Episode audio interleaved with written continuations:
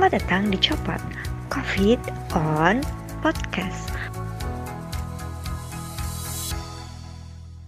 Halo semuanya, perkenalkan saya Dimas dan teman saya Arif, hai. Nah, ini episode pertama dari podcast Copot nih. Copotnya apa sih, Dim? Nah, benar banget. Jadi podcast Copot ini adalah singkatan dari COVID on Podcast. Ya, benar banget. Di podcast ini kami akan membahas mengenai informasi seputar COVID-19 sendiri. Dan topik di episode pertama ini nih kita untuk menjaga protokol kesehatan. Protokol kesehatan itu udah diterapin sama pemerintah itu ada 5M. Memakai masker, menjaga jarak, mencuci tangan, menjauhi kerumunan, dan mengurangi mobilitas. Jadi untuk diingat terus untuk jalanin protokol ya teman-teman semuanya ya. Nah, ada satu lagi nih, Dim, yang kurang Selain itu, kita harus juga menjaga protokol kita dengan harus menjaga rajin berolahraga dan menjaga kesehatan sendiri untuk meningkatkan imun tubuh agar terhindar dari COVID-19 sendiri. Oh iya. Oh ya, benar banget sih. Yuk, Rip, perlu diingetin. Iya, sama-sama. Kita memang harus saling mengingatkan. Dan oh iya, Dim, di episode kita kali ini tidak hanya mengingatkan tentang protokol kesehatan juga, tetapi kita membahas lebih dalam bersama narasumber kita. Siapa sih narasumber kita di hari ini? Nah, narasumber kita itu adalah seorang dokter ya dari lulusan uh, Universitas Pajajaran Unpad ya. Sekarang jadi dokter umum di Al, apa tuh Rumah Sakit Al Islam, tapi yang nanganin uh, COVID juga nih. Namanya Dokter Mali Puaji Wahid.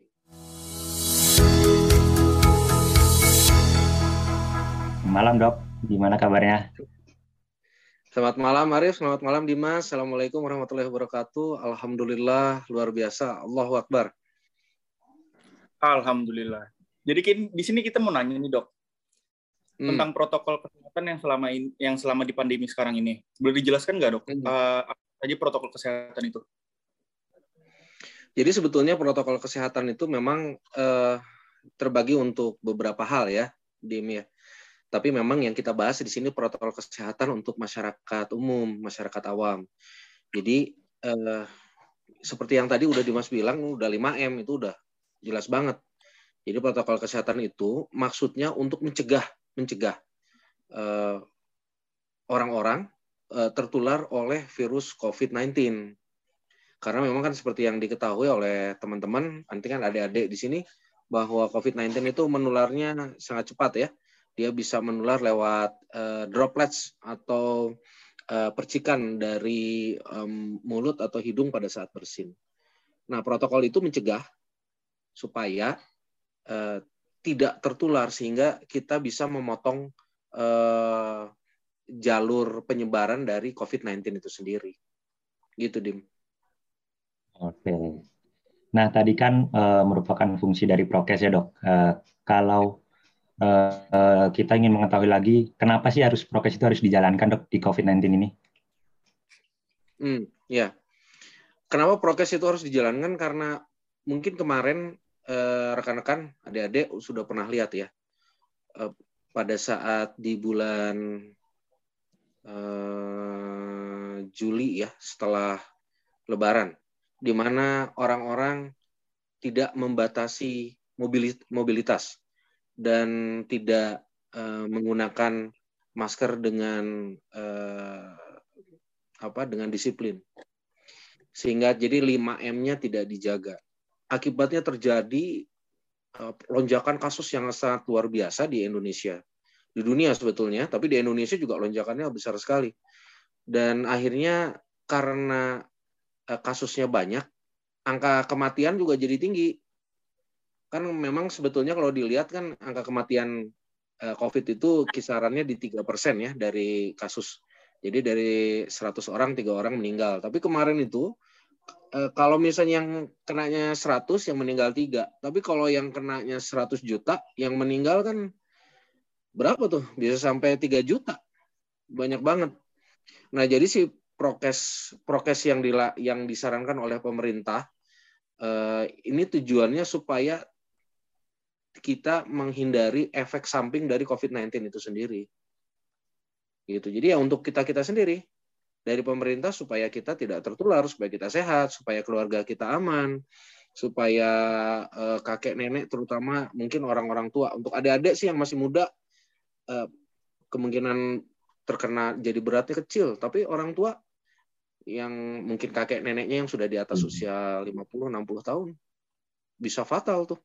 Jadi prokes itu tujuannya untuk melindungi diri kita sendiri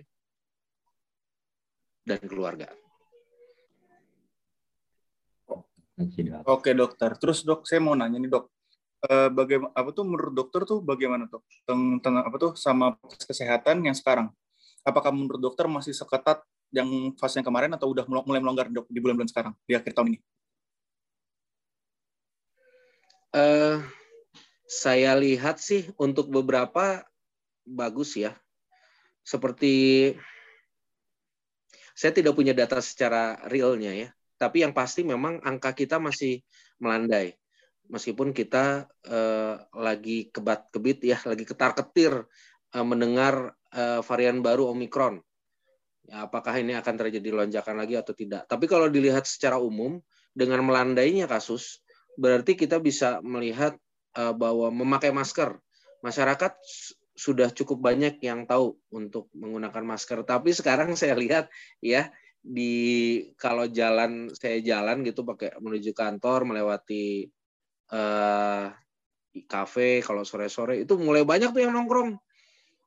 Ya, udah mulai banyak lagi yang nongkrong anak-anak muda tuh. Jadi berarti uh, sudah mulai longgar kalau menurut saya. Mungkin karena capek juga ya dan juga ngelihat eh, banyak contoh yang eh, longgar. Seperti di Amerika tuh. Amerika tuh kan karena sudah yakin banget dengan vaksinnya mereka eh, nggak pakai masker. Mereka santai.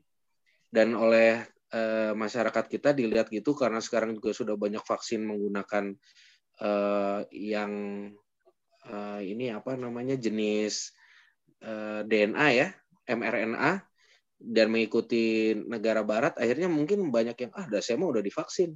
Jadi agak abai sih kalau menurut saya mah dim. Agak abai. Mudah-mudahan kalau dari sudut uh, kalau dari sudut pandang dokter sendiri tuh uh, kita kan tadi juga udah tahu di Indonesia pun sekarang udah mulai banyak orang yang berpergian pun nggak pakai masker ya dok. Tanggapan ya, atau pandangan dokter itu terhadap orang kayak gitu tuh apakah bakalan kena lagi meskipun udah divaksin dok? Ya doa saya mudah-mudahan sih nggak kena ya.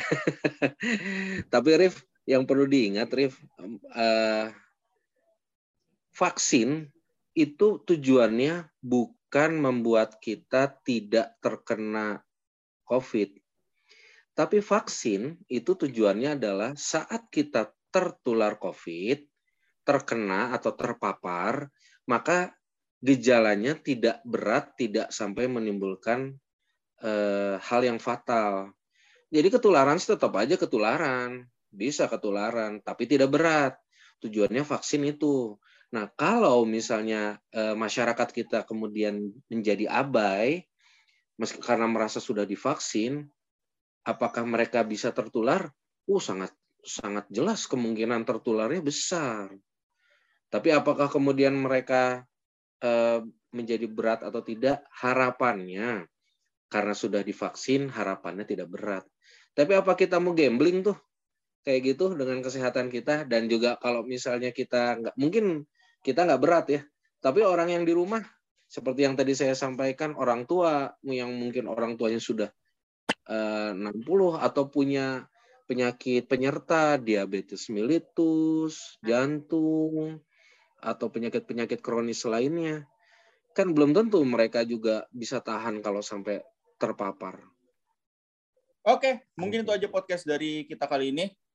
Uh, makasih banyak bagi yang udah mendengarkan. Dan jangan lupa juga untuk mematuhi protokol kesehatan, berolahraga, serta menjaga kesehatan kalian, guys. Oke, see you on next episode. Bye-bye. Bye-bye.